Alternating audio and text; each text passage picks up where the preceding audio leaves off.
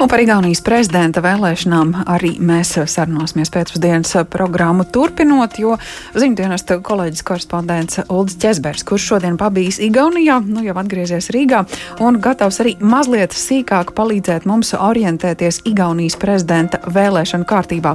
Labdien! Jā, labdien!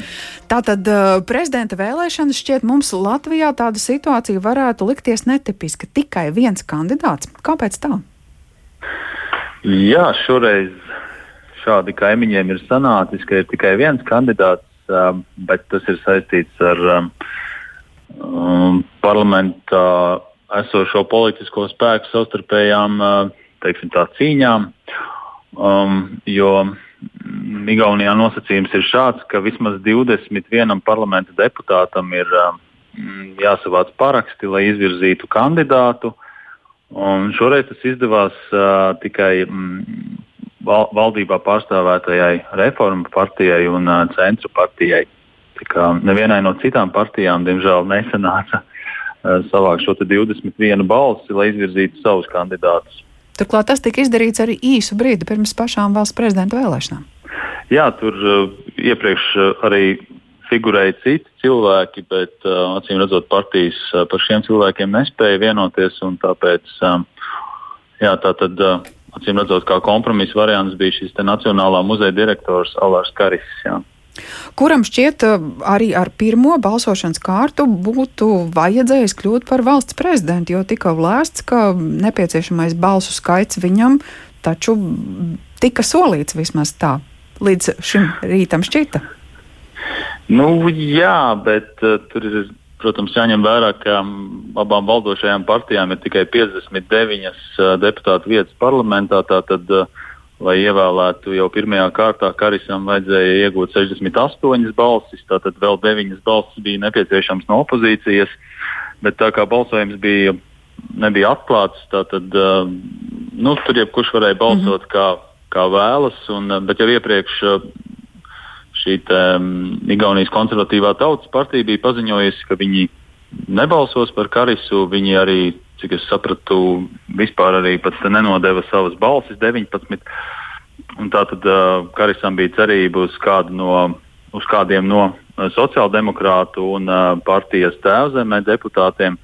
Acīm redzot, daži no viņiem nobalsoja, bet uh, nepietiekami. Viņš saņēma tikai um, 63 balsis. Tātad, uh, piecas balsis pietrūka. Mm. Un, un jā, tātad uh, balsojums, tātad balsojums turpināsies rīt, kad notiks otrā kārta. Jā. Kurā viņš aizvien būs vienīgais kandidāts, vai līdz rītam var uzrasties vēl kāds? Ir iespējams uzrasties vēl kādam, bet tas, cik es uh, sapratu no sarunas ar um, Igaunijas politologiem, tad um, nu, tas ir diezgan masticams, mm. jo premjerministre Kāja Kallas ir paziņojusi, ka viņi, viņu vienīgais kandidāts uh, joprojām būs Karis, kas nozīmē, ka arī otrā valdī, valdošā partija, centra partija, visticamāk atbalstīs arī viņu. Uh, pārējām partijām īsti nepietiek balsu, lai, lai izvirzītu vēl kādu kandidātu, bet uh, tīri teorētiski tas ir iespējams rīt no 8 līdz 10 rītā. Un pēc tam, kā es saprotu, 12. tad uh, mm -hmm. deputāti atkal sapulcēsies, lai sāktu šo procedūru, kas notiks šodien, sāktu atkal. Uh, un, nu jā, ja tur, ja tur paskatās, tad es saprotu, ka arī visticamāk arī tad Karisam uh, nu, tas, tas balsu skaits būtu vairāk vai mazāk tāds pats kā šodien, jā. kas nozīmē, ka būs trešā, treso, trešā balsošanas kārta, kur arī kur arī visticamāk viņš uh, diez vai tiks ievēlēts par prezidentu. Jā, nu, lasot mediju, šķiet, ka viņš diezgan stingri saka, ka, ja kādam patīk, tad tas ir labi, ja nepatīk, tad neiešot kādu vēl īpaši pārliecinātu un gaidīs to balsojumu. Jā, es šo, šo arī lasīju, ka viņš ir tāds, uh, it kā nevienam pats virsū neuzbāžas, bet tā. Uh, ja kāds ar viņu vēlas runāt, uh, viņš ir gatavs runāt ar jebkuru partiju, bet uh, pats, ne, pats īpaši sevi nereklamēs. Jā. Mm. Tā kā nu, arī tāda interesanta pozīcija, vai ne? Bet, uh, nu jā, katram savi iemesli. Jā, nu, gaidīsim rītdienu, lai skatītos, vai nebūs jāatkārto zināšanas par Igaunijas valsts prezidenta vēlēšanu kārtību, kur elektoru kolēģija var tikt iesaistīta un vēlēšana procesa, kā pieredzējām ar Kerstī Kaljulaidu, ievilkties līdz pat oktobra sākumam. Paldies par šīs dienas informācijas apkopojumu, saka Uldim Čezberim, ziņdienas korespondents, kurš šodien pabijis arī Igaunijā, bija pie mūsu tālruņu, un uz sarunu esam aicinājuši politologu Veikaus Polīti. Labdien! Labdien! Kā jūs raugāties uz šīs dienas balsojumu? Nu, ja nebūtu to tukšo aploksņu, prezidents būtu ievēlēts jau pirmajā dienā, bet nu nekā. Nenoliedzami. Česbergs kungs, manuprāt, ļoti skaidri un gaiši Latvijas radioklausītājiem pastāstīja tas, kas šodien notika Rīgā. Bet, nu, ja jāvērtē, nu, ļoti normāli demokrātisks ievēlēšanas process. Tāds pats ir arī Vācijas parlamentā, tikai ar atšķirību, ka Vācijā tā ir elektoru kolēģija uzreiz pirmajā kārtā, kur Bundestāga un Bundesrāta pārstāvi kopīgi vēl Vācijas prezidentu, vai Latvijas saima, vai ne līdzīgi. Tāpat arī Grieķijas parlaments šādu procesu veids. Šajā gadījumā bija, visiem bija skaidrs zināms spēles noteikumi. Mm. Skatīsimies, kā rītdien ies otrajā kārtā, jo uh, Patiesībā no 101 Rīgas deputāta piedalījās tikai 99, mīnus 19. Tātad ekras pārstāvi, kuri uh, visnotaļ nedemokrātiski pat neizņēma vēlēšanu uh, biļetenus un šādi neļaujot notikt brīvām un aizklātām vēlēšanām, šādi ietekmējot savus uh, tautas priekšstāvus. Uh, un, uh, nu, skatīsimies uh, rītdien otrā, iespējams trešā kārta, un tad jau elektoru kolēģija. Tā kā šajā gadījumā uh, uh, Igaunijas uh, parlaments vēl valsts prezidentu. Process notiek. Uh, kurā drīzāk parlamentārieši rāda savus politiskos spēkus, nevis prezidenta kandidāta plusus un mīnusus. Nu, Igaunijā valsts prezidents arī ir drīzāk ar tādu reprezentācijas funkciju. Protams, parakstot likumus, bet tā citādi kā valsts ceļa, kā valsts pārstāvis bez šķiet tādas ļoti lielas un dziļas ietekmes. Tieši tā, bet ja mēs skatāmies uh, no pieciem valsts prezidentiem, kas šobrīd ir Igaunijā ievēlēti, sevišķi pēc neatkarības atgūšanas, visi trīs valsts prezidenti parlamentā ir bijuši spīdoši, Igaunijas starptautiskā arēnā labi pārstāvoši, kuri ir spējuši nominēt valdības vadītājus.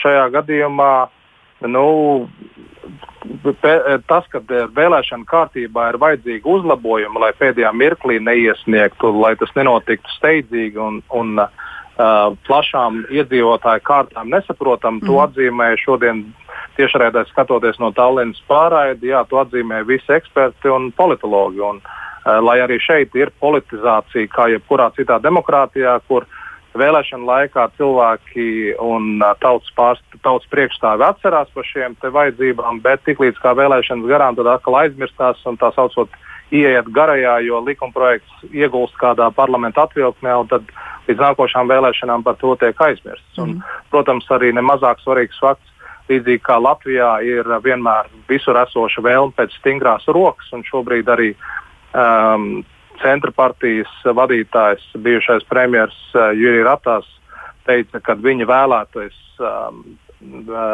prezidenta vēlēšanu kārtību Igaunijā mainīt. Uh, kam, protams, ir nepieciešams divas trešdaļas um, parlamenta deputātu um, akcepts, un tas ir patiesībā visnotaļ grūti sasniedzams. Tieši tāpat kā mēs šobrīd redzam, divas trešdaļas nevar vienoties par prezidentu, kas ir vajadzīgs visas Igaunijas pārstāvniecībai. Tā kā uh, politiski lēmumi Igaunijā stāv priekšā, un, protams, ja mēs skatāmies uz to iemeslu, kāpēc ir tik sarežģīti tieši šobrīd, tad viens no galvenajiem faktoriem ir tieši šis ekras faktors, mm. populistiskās konservatīvās tautas partijas um, klātesamība parlamentā. Nu, redzēsim, viegli neies.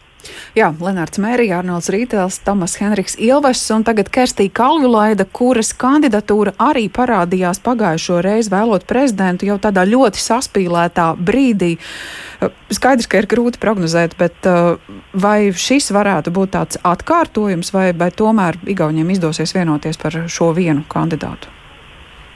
Nu, vai nu viņiem izdosies um, vienoties par Allara Karīs rītdien, jeb arī būs citi kandidāti, kas tiks uh, stādīti priekšā elektoru kolēģijā, kā tas notika precīzi pieci gadi atpakaļ ar uh, Kerstīnu Kaļulaitu.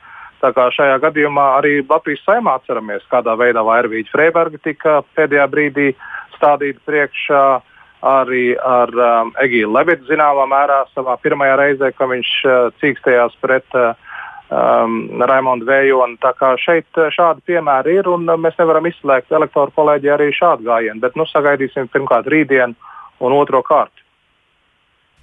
Paldies par šo komentāru. Saku Veikos Polītim. Politologi bijām aicinājuši pie mūsu tālruņa, lai runātu par Igaunijas valsts prezidenta vēlēšanām.